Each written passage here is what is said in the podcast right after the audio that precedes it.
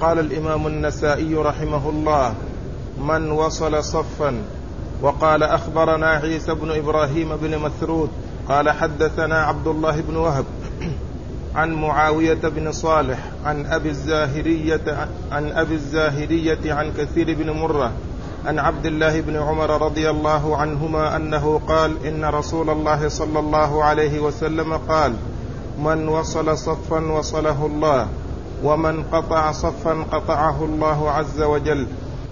بسم الله الرحمن الرحيم. الحمد لله رب العالمين وصلى الله وسلم وبارك على عبده ورسوله نبينا محمد وعلى آله وأصحابه أجمعين أما بعد.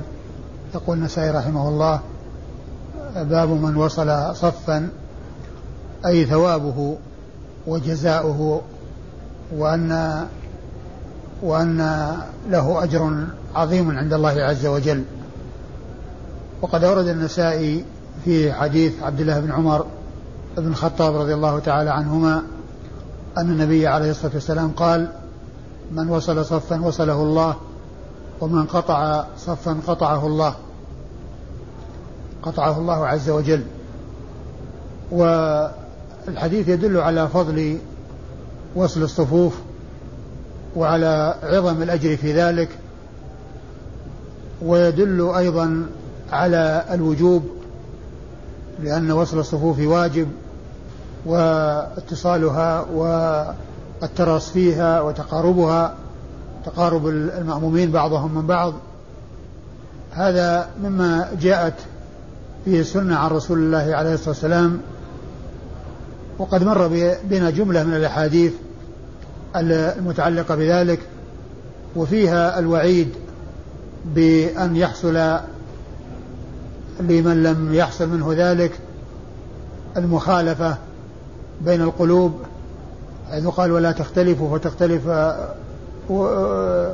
لا تسون صفوفكم ولا يخالفن الله بين وجوهكم وفي بعض الروايات قلوبكم وجاء ولا تختلفوا فتختلف قلوبكم. وهنا يقول من وصل صفا وصله الله. ففيه الترغيب والحث على وصل الصفوف وبيان أن فيه الأجر العظيم من الله عز وجل. وفي هذا أن الجزاء من جنس العمل. في هذا في هذا دليل على أن الجزاء من جنس العمل. لأن من وصل وصل. من وصل وصله الله. ويقابل ذلك من قطع قطعه الله. فهذا ترغيب وهذا ترهيب. وفي الحديث الجمع بين الترغيب والترهيب. وكثيرا ما يأتي في الكتاب والسنة الجمع بين الترغيب والترهيب. يرغب في الخير ويرهب من الشر يرغب في أمر من الأمور ويرهب من خلافه. وقد اعتنى العلماء قديما في جمع الأحاديث التي فيها الترغيب والترهيب. ومن أحسن ما كتب فيها وأجمعه كتاب الترغيب والترهيب للمنذري الذي يجمع مثل هذه الأحاديث التي فيها ترغيب في شيء وتحذير من شيء. والحديث جمع فيه بين الترغيب والترهيب ترغيب في وصل الصفوف وترهيب من قطع الصفوف ترغيب في وصل الصفوف وترهيب من قطعها. والحديث كما ذكرت فيه دليل على أن الجزاء من جنس العمل لأن الحديث من وصل صفا وصله الله ومن قطع صفا قطعه الله. وقد جاء في أحاديث كثيرة مثل هذا المعنى الذي هو ذكر الجزاء من جنس العمل.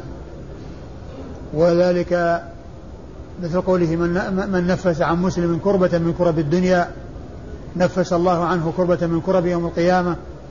ومن يسر على مسلم يسر الله عليه في الدنيا والآخرة. ومن ستر مسلما ستره الله في الدنيا والآخرة. فتلك الجزاء فيها من جنس العمل. وكثيرا ما تأتي النصوص من هذا القبيل فيها بيان أن الجزاء من جنس العمل. وقطع الصفوف يكون بالجلوس فيها بدون صلاة بأن يجلس بين الصف فيكون الصف مقطوعا وهو جالس فيه لا يصلي فإن هذا داخل في قطع الصفوف. ويدخل في ذلك أيضا كونه يعني يحول دون أحد أن يصل الصف وأن يمنعه من ذلك فإن هذا أيضا فيه قطع للصفوف. وقد قال عليه الصلاة والسلام من قطع صفا قطعه الله. أما إسناد الحديث فيقول النسائي أخبرنا إبراهيم بن أخبرنا عيسى بن إبراهيم بن مثرود نعم. عيسى بن إبراهيم. أي. عيسى بن إبراهيم بن مثرود وهو المصري وهو ثقة خرج حديثه أبو داود والترمذي والنسائي. أبو داود والنسائي. أبو نعم أبو داود والنسائي. أبو داود والنسائي ولم يخرج له الباقون. أيوه. حدثنا عبد الله بن وهب. حدثنا عبد الله بن وهب. وهو المصري وهو ثقة ثبت محدث فقيه وحديثه أخرجه أصحاب الكتب الستة. عن معاوية بن صالح. عن معاوية بن صالح بن حدير الدمشقي وهو آه ثقة صحيح الكتاب وحديثه هو صدوق له أوهام. ص... نعم. صدوق له أوهام.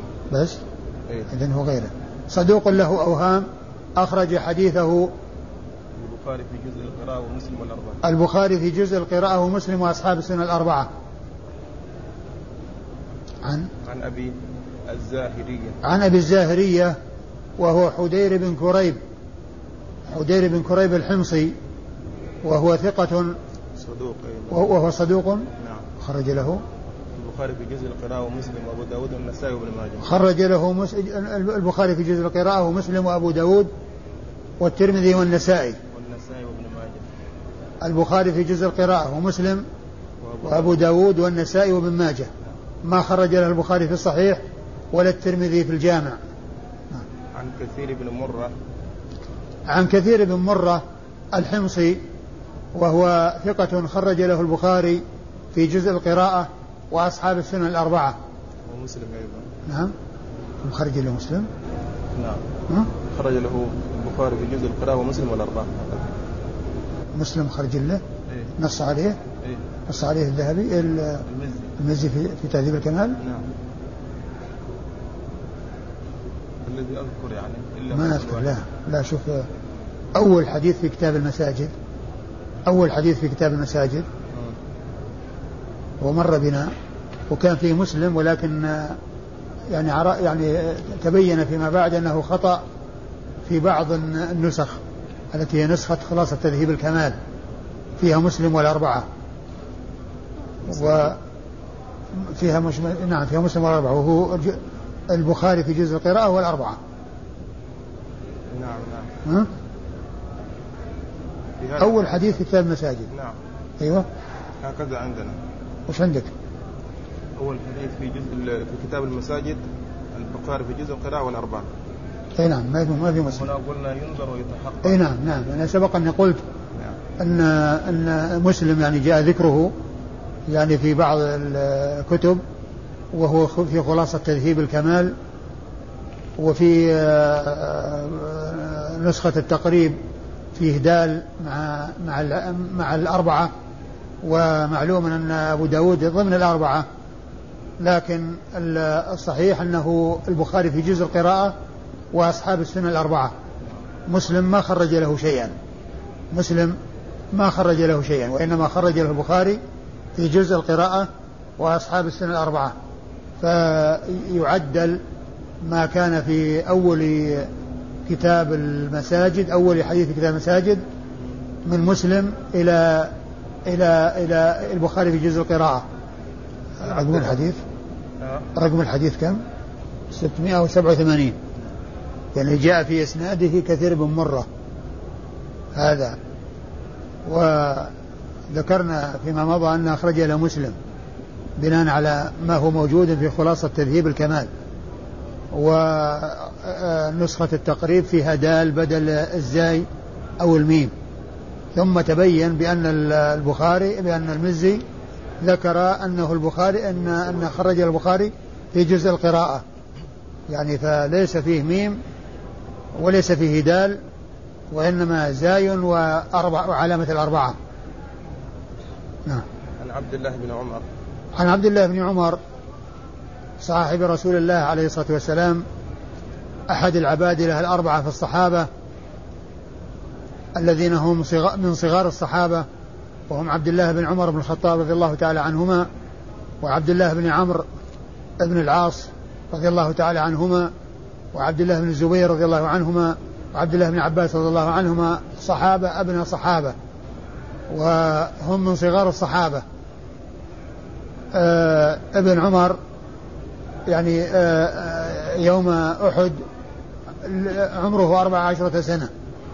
وابن عباس في حجة الوداع آه، يعني ناهز الاحتلام.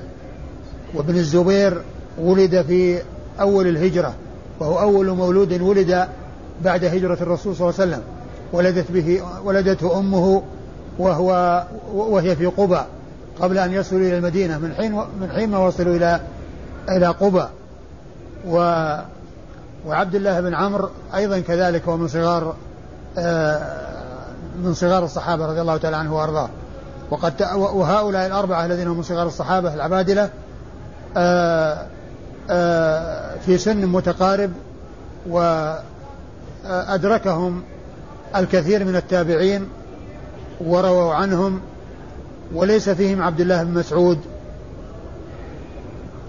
لأن عبد الله بن مسعود متقدم الوفاة توفي سنة 32 وهو من كبار الصحابة وليس من صغارهم وهو من المهاجرين رضي الله تعالى عنه وأرضاه وإذا فالعبادلة الأربعة هم عبد الله بن عمر وعبد الله بن الزبير وعبد الله بن عباس وعبد الله بن عمرو وأيضا عبد الله بن عمر أحد السبعة من أصحاب رسول الله صلى الله عليه وسلم الذين عرفوا بكثرة الحديث عن رسول الله عليه الصلاة والسلام. وهم الذين جمعهم السيوطي في الألفية بقوله والمكثرون في رواية الأثر أبو هريرة يليه بن عمر وأنس والبحر كالخدري وجابر وزوجة النبي. فهؤلاء سبعة من أصحاب رسول الله عليه الصلاة والسلام هم الذين تميزوا على غيرهم بكثرة الحديث عن النبي صلى الله عليه وسلم. قال ذكر خير صفوف النساء وشر صفوف الرجال. وقال أخبرنا إسحاق بن إبراهيم قال أخبرنا جرير عن سهيل عن أبيه عن أبي هريرة رضي الله عنه أنه قال قال رسول الله صلى الله عليه وسلم خير صفوف الرجال أولها وشرها آخرها وخير صفوف النساء آخرها وشرها أولها. ثم ورد النسائي هذه الترجمة وهي ذكر خير صفوف النساء وخير صفوف الرجال. وقد أورد وشر صفوف الرجال. وشر كلها شر؟ لا الأول خير صفوف النساء وشر صفوف الرجال. نعم. خير صفوف النساء وشر صفوف الرجال. أورد النسائي حديث أبي هريرة.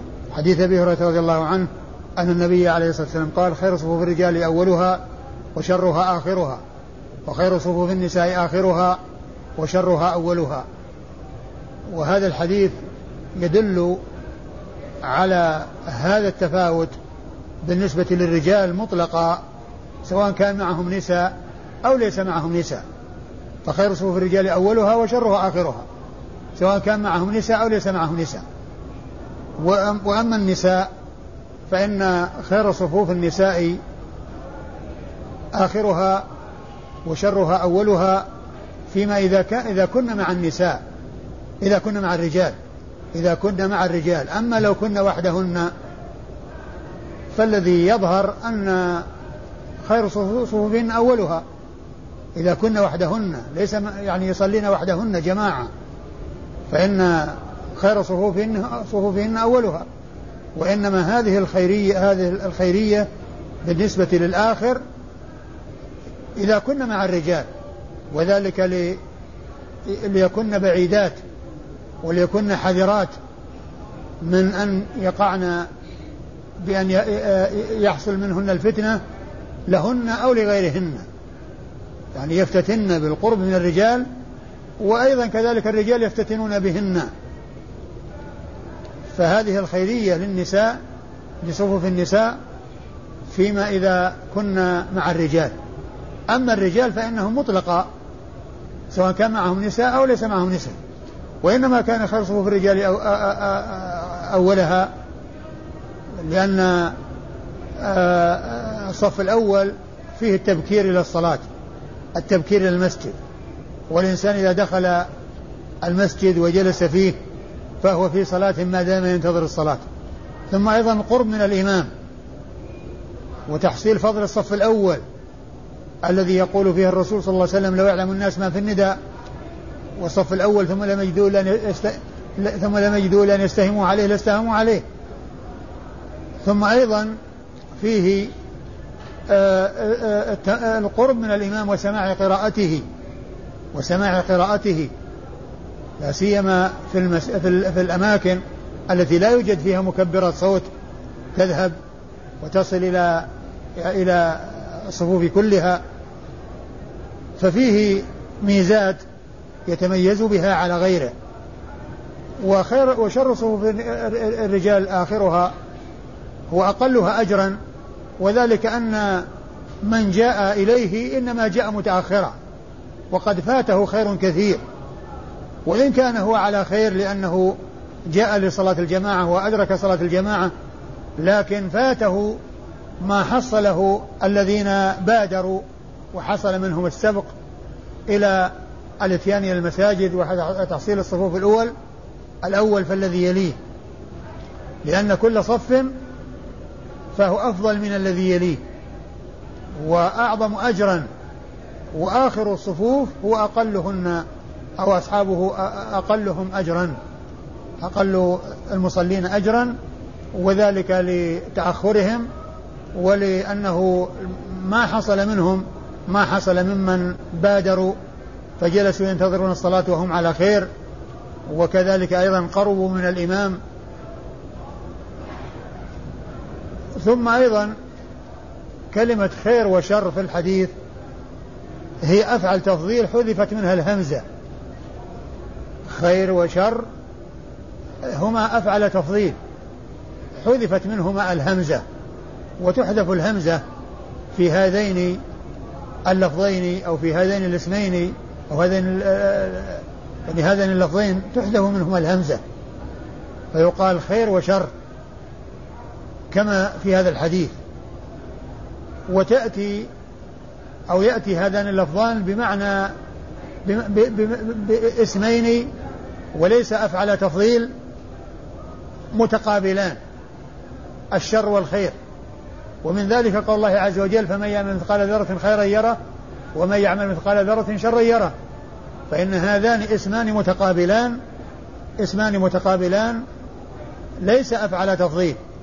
ولكن هنا خيرا آه، خير صفوف الرجال أولها وشرها آخرها خير صفوف النساء آخرها وشرها أولها. هذان أفعل تفضيل. حذفت منهما الهمزة. وقد جمع وقد جاء الجمع بين هذين اللفظين أو هذين المعنيين اللي هو أفعال تفضيل واسم بمعنى يقابل الشر في قول الله عز وجل يا أيها النبي قل لمن في, دي في أيديكم قل يا أيها النبي قل لمن في أيديكم لمن في أيديكم من الأسرى إن يعلم الله في قلوبكم خيرا يؤتكم خيرا مما أخذ منكم. يعلم الله في قلوبكم خيرا هذه بمعنى مقابل الشر. خير اسم. يؤتكم خيرا يعني أفضل مما فاتكم ومما آه، أخذ منكم. والحديث فيه آه، الجمع بين الترغيب والترهيب. كالذي تقدم من وصل صفا وصله الله ومن قطع صفا قطعه الله. ففيه ترغيب في أول الصفوف في أول الصفوف وتحذير من التأخر حتى لا يكون له إلا أن يكون في آخرها.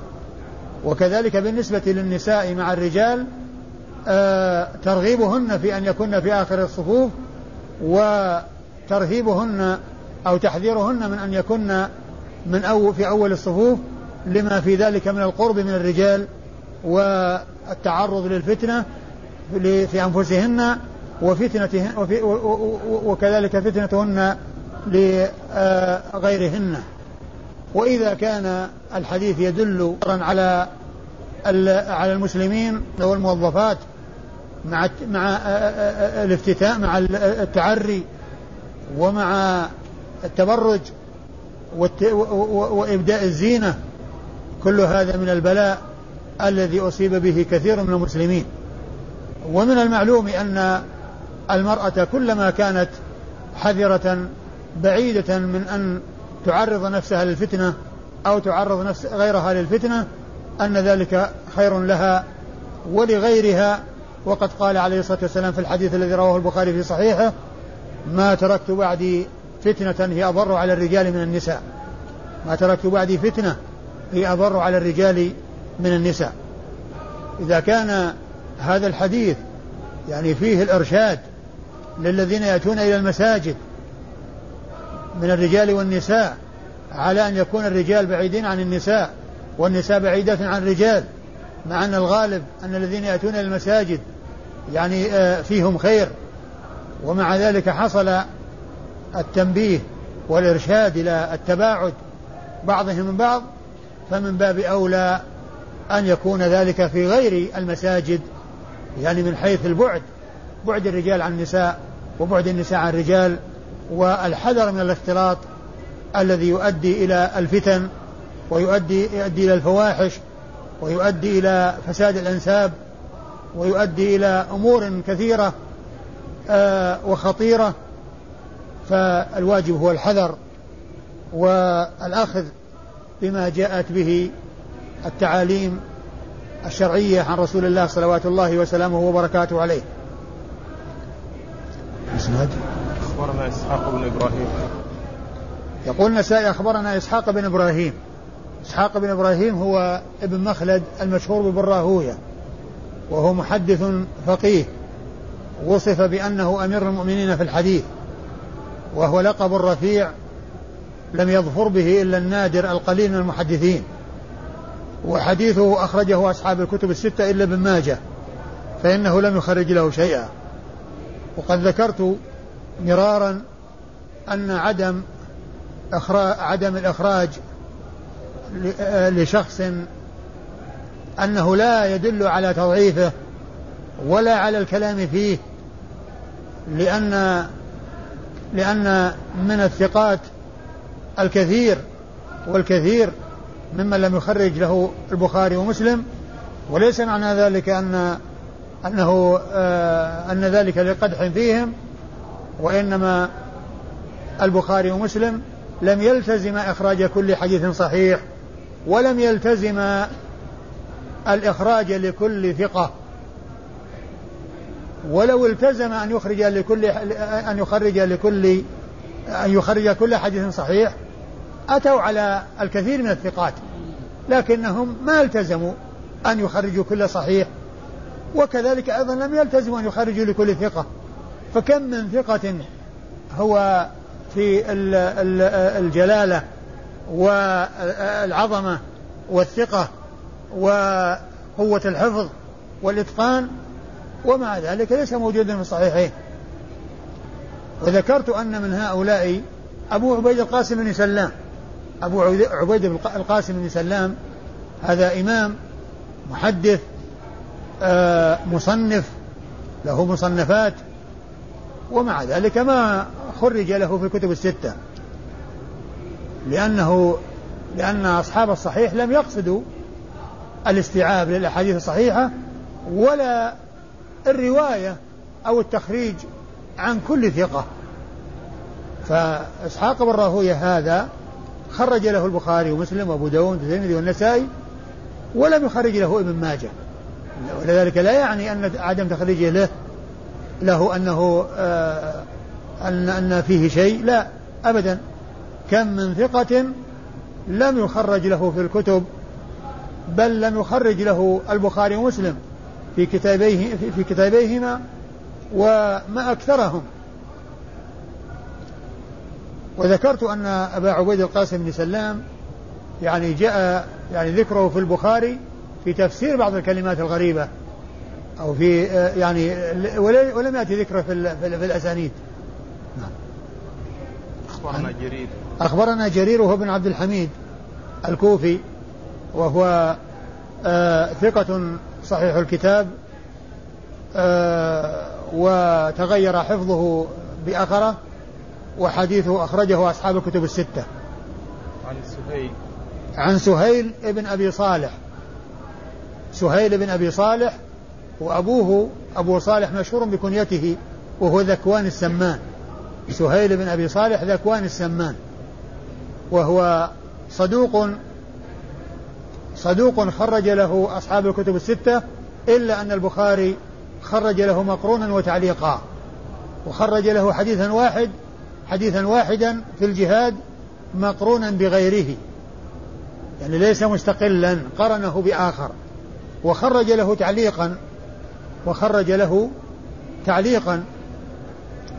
وأورد له حديثا يعني جاء في صحيح مسلم من طريق سهيل بن أبي صالح عن أبيه وأورده بترجمة باب. جعله البخاري ترجمة باب. لأنه لأن سهيلا يعني آه، آه، ليس على شرط البخاري ليس على شرط البخاري فمن أجل ذلك أورد الحديث في ترجمة فقال باب قول النبي صلى الله عليه وسلم الدين النصيحة. قال لمن يا رسول الله؟ قال لله ولرسوله ولكتابه ولأئمة المسلمين وعامتهم. ثم أورد تحته حديث جرير بن عبد الله الذي هو دال على معناه بايعت رسول الله صلى الله عليه وسلم على إقام الصلاة وإيتاء الزكاة والنصح لكل مسلم. والإتيان به في الترجمة يدل على أنه صالح للاحتجاج ولكنه ليس ولكنه لم يذكره في الصحيح لأن سهيلا ليس على شرطه. وأخرج ورمز له الحافظ بن حجر بالجماعة. ولكن أخرج البخاري له مقرون. نعم. عن أبيه عن أبيه آه، أبو صالح وهو ذكوان السمان ويقال له الزيات لأنه كان يجلب الزيت فقيل له الزيات ويقال له السمان وهو ثقة خرج حديثه أصحاب الكتب الستة. يروي عن أبي هريرة رضي الله تعالى عنه صاحب رسول الله صلى الله عليه وسلم وأحد السبعة المعروفين بكثرة الحديث عن رسول الله صلى الله عليه وسلم بل هو أكثرهم هو أكثر الصحابة على الإطلاق نعم. قال الصف بين السواري وقال أخبرنا عمرو بن منصور قال حدثنا أبو نعيم عن سفيان عن يحيى بن هانئ عن عبد الحميد بن محمود أنه قال كنا مع أنس رضي الله عنه فصلينا مع أمير من الأمراء فدفعونا حتى قمنا وصلينا بين الساريتين فجعل أنس يتأخر وقال قد كنا نتقي هذا على عهد رسول الله صلى الله عليه وسلم ثم ورد النسائي هذه الترجمة يصف بين السواري. يعني المنع من ذلك وترك ذلك. وقد أورد وذلك لأنها تقطع الصفوف لأن السواري الصف بينها يعني يكون فيه قطع للصفوف. وهذا فيما يعني وهذا بالنسبة للمأمومين. أما كل إنسان يتنفل أو يصلي نافلة فله أن يصلي بس بين السواري. لكن كونه يصلي إلى سترة ويكون إلى عمود هذا هو الذي ينبغي وهو الأولى. لكن لو صلى بين عمودين نافلة فإنه لا مانع من ذلك. وإنما المحذور هو في صلاة الجماعة. المأمومون يصلون بين السواري يعني معناه تكون يكون الصف الذي بين السواري متقطع. يكون الصف الذي بين السواري متقطع. يعني العمود السارية والعمود تقطع. يعني آه، آه، آه، الصف. والسواري المتعددة تقطع الصف. فمن أجل ذلك جاء الرغبة عنها وتركها وأنهم كانوا يتقون ذلك في زمنه عليه الصلاة والسلام لأنها تقطع الصفوف. والنصوص جاءت في وصل الصفوف والحث عليها والترغيب في ذلك. وهذا وأحسن ما قيل في تعليل آه، آه، آه، النهي عن الصف بين السواري أي بالنسبة للمأمومين. وأما بالنسبة للمنفرد أو الذي يصلي نافلة فلا بأس بذلك. والنبي صلى الله عليه وسلم لما دخل الكعبة صلى بين العمودين بين العمودين اليمنيين. صلى بين العمودين اليمنيين لأنه كان يتنفل في الكعبة. فالمنع إنما هو في حق الذين حق المأمومين فإنهم لا يصلون بين السواري وذلك لقطعها الصفوف وذلك لقطعها الصفوف. وقد أورد النسائي حديث أنس بن مالك رضي الله عنه عن, عن, عن عبد الحميد بن محمود أنه قال صلينا مع أنس بن مالك مع أمير من الأمراء فدفعونا. يعني كثرة الزحام حصل دفعهم حتى صاروا بين عمودين. فصار أنس يتأخر يعني يتأخر عن أن يصلي بين العمودين. وقال كنا نتقي ذلك يعني بعدما فرغ من الصلاة قال كنا نتقي ذلك على عهد رسول الله عليه الصلاة والسلام. يعني كنا نتجنب يعني ذلك الذي هو الصلاة بين السواري وبين الأعمدة. والسبب في هذا كما هو واضح هو كونها تقطع الصفوف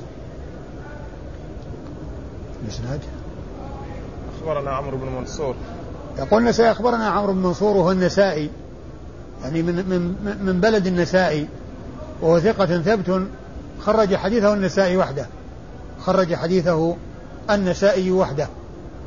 قال حدثنا أبو نعيم. قال حدثنا أبو نعيم. أبو نعيم وهو الفضل بن دكين. أبو نعيم شيخ البخاري ومن شيوخ البخاري. والنسائي يروي عنه بواسطة وهو من كبار شيوخ البخاري. أبو نعيم الفضل بن دكين مشهور بكنيته. ويماثله في الشهرة بأبي نعيم شخص متأخر مؤلف مصنف. صاحب الحلية وغيرها من الكتب المتوفى سنة 430 430 من الهجرة صاحب حلية الأولياء وغيرها من الكتب فذاك متأخر وهو مشهور بكنيته. وأما هذا الشيخ البخاري وهو متقدم واسمه الفضل بن دكين الكوفي الملائي الكوفي وهو ثقة ثبت وتكلم فيه من أجل التشيع وقيل إنه يتشيع. والحافظ ابن حجر لما ذكر ذكره في مقدمة الفتح لأن الحافظ ابن حجر ذكر الذين تكلم فيهم في مقدمة الفتح ودافع عنهم وأجاب عن الكلام فيهم. وكان من جملة ما قاله في الجواب عن أبي نعيم في مقدمة الفتح أنه قال تكلم فيه في التشيع. ثم قال وقد ثبت عنه أنه قال ما كتبت علي الحفظة أنني, أنني سببت معاوية. ما كتبت علي الحفظة أني سببت معاوية. ومن المعلوم أن الرافضة من أسهل الأشياء عندهم سب معاوية. بل سب معاوية يعني آه، هو هو هو, هو المدخل إلى سب أصحاب الرسول عليه الصلاة والسلام. لأن من اجترأ على معاوية اجترأ على على غيره. وأبو نعيم الذي قيل عنه أنه يتشيع كان يقول هذه الكلمة وهذا يدل على سلامته من يعني آه أن يكون في نفسه شيء على الصحابة. وإذا كان هذا كلامه في معاوية إذا معناه أنه سليم. لأن الكلام في معاوية عند الرافضة هذا من أسهل الأشياء ومن أقرب الأشياء أن يتكلموا في معاوية. الذين يعني آه، آه، لا يتكلمون في الشيخين يتكلمون في معاوية. الذين لا يتكلمون في الشيخين أو من الذين لا يتكلمون في الشيخين يتكلمون في معاوية. وأما الرافضة فإنهم يتكلمون في الشيخين وفي غير الشيخين. يتكلمون في الشيخين أبي بكر وعمر وغيرهما من الصحابة رضي الله تعالى عن الجميع. لكن سب معاوية والكلام يعني القدح في معاوية والكلام في معاوية يتكلم فيه من لا, من لا يتكلم في الشيخين مثل الزيدية فإنهم يسبون معاوية ويشتمونه ولا يتكلمون في الشيخين أبي بكر وعمر. لا يتكلمون في أبي بكر وعمر ولكن يتكلمون في معاوية. وأما الرافضة فيتكلمون في الجميع. ويسبون الجميع. وأبو نعيم الفضل بن دكين يقول ما كتبت علي الحفظة أنني سببت معاوية. يعني معناه أنه آه لسانه نزيه ونظيف من أن يتكلم في آه معاوية بن أبي سفيان رضي الله عنه بسوء. وحديثه وحديثه أخرجه أصحاب الكتب الستة. أبو نعيم الفضل بن دكين أخرج حديثه وأصحاب الكتب الستة. نعم. عن سفيان. عن سفيان وهو الثوري. سفيان بن سعيد بن مسروق الثوري وهو ثقة ثبت إمام حجة وصف بأنه أمير المؤمنين في الحديث. وصف بأنه أمير المؤمنين في الحديث وهذا من أعلى صيغ التعديل وأرفع صيغ التعديل وحديثه عند أصحاب الكتب الستة. عن يحيى بن هانئ. عن يحيى بن هانئ وهو أيضا ثقة وهو ثقة خرج حديثه. ثقة خرج حديثه أبو داود والترمذي والنسائي. خرج حديثه أبو داود والترمذي والنسائي. مسلم فيه؟ لا. أبو داود والترمذي والنسائي. أبو داود والترمذي والنسائي. عن أيوه. عبد الحميد بن محمود. عن عبد الحميد بن محمود. عبد الحميد بن محمود آه، هو ثقة وليس له عند أصحاب الكتب عن وخرج له أبو داود والترمذي والنسائي. أبو داود والترمذي نعم. أبو داود والترمذي والنسائي وليس له عندهم إلا هذا الحديث الواحد في الصف بين السواري. ليس له في الكتب الثلاثة التي هي سنن النسائي وسنن الترمذي وسنن آه، أبي داود. ليس فيها إلا هذا الحديث الواحد وهو في الصف بين السواري في قصة كونه مع أنس بن مالك مع يصلون مع أمير الأمراء وأنه حصل الزحام وأنهم دفعوا حتى كانوا بين السواري فكان بين ساريتين فكان أنس يتأخر ولما فرغ من الصلاة قال كنا نتقي ذلك على عهد رسول الله صلى الله عليه وسلم. أي نتقي أي نتجنب الصف بين السواري. عن أنس. عن أنس بن مالك رضي الله عنه صاحب رسول الله عليه الصلاة والسلام وخادمه وأحد السبعة المكثرين من رواية حديث رسول الله عليه الصلاة والسلام. وقد دعا له الرسول صلى الله عليه وسلم بأن يكثر الله ولده وأن يكثر ماله وأن يطيل في عمره. وقد حصل له ذلك وأدركه الكثير من التابعين بل أدركه صغار التابعين وروى عنه الكبار. والمتوسطون والصغار آه، من التابعين رضي الله تعالى عنه وأرضاه. قال المكان المكان الذي يستحب من الصف وقال أخبرنا سويد بن النصر قال أخبرنا عبد الله عن مسعر عن ثابت بن عبيد عن ابن البراء عن البراء رضي الله عنه أنه قال كنا إذا صلينا خلف رسول الله صلى الله عليه وسلم أحببت أن أكون عن يمينه. ثم أورد النسائي هذه الترجمة هي المكان المكان الذي يستحب من الصف الذي يستحب من الصف يعني هو أن يكون على يمين الإمام يعني ميامن الصفوف أفضل من مياسرها. وقد أورد النسائي في حديث البراء بن عازب رضي الله عنه. قال كنا إذا صلينا خلف رسول الله عليه الصلاة والسلام أحببت أن أكون على يمينه أن أكون على يمينه يعني في أيمن الصف. وهو دال على ما ترجم له المصنف من جهة أن آه، ميامن آه، آه، أيمن الصف يعني مرغوبا فيه وأن الصحابة كانوا يعني يفعلون ذلك. وجاء أيضا يعني حديث عن رسول الله عليه الصلاة والسلام إن الله وملائكته يصلون على ميامن الصفوف. على ميامن الصفوف.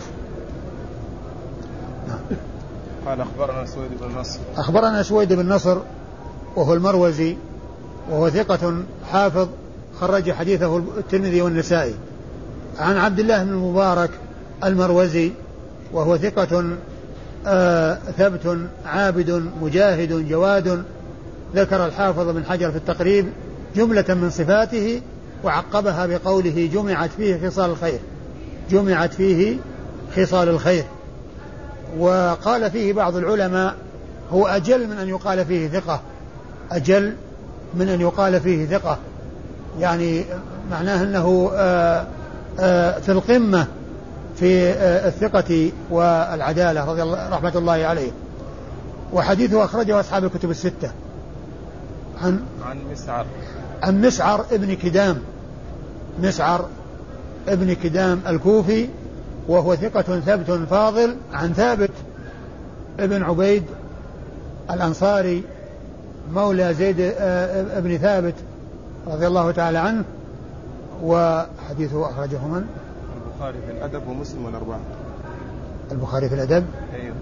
أخرج حديثه البخاري في الأدب المفرد ومسلم وأصحاب السنة الأربعة. عن ابن البراء. عن ابن البراء وهو عبيد ابن البراء بن عازب. عبيد بن البراء ابن عازب وهو ثقة. أخرج حديثه من؟ هذا فاتني. ها؟ فاتني هذا أبحث عنه. إيش؟ ما رجعت هذا. ما رجعته؟ أي ما هو موجود التقريب؟ لا موجود. نعم. يقول ثقة أخرج له مسلم وأبو داود والنسائي وابن ماجه. أخرج له؟ مسلم وأبو داود والنسائي وابن ماجه. إيه. ثقة أخرج له مسلم وأبو داود والنسائي وابن ماجه. ما خرج له البخاري ولا الترمذي؟ ما خرج له البخاري ولا الترمذي. عن البراء بن عازب صاحب رسول الله عليه الصلاة والسلام وهو صحابي ابن صحابي وحديثه عند أصحاب الكتب الستة. والله تعالى أعلم وصلى الله وسلم وبارك على عبده ورسوله نبينا محمد وعلى آله وأصحابه أجمعين.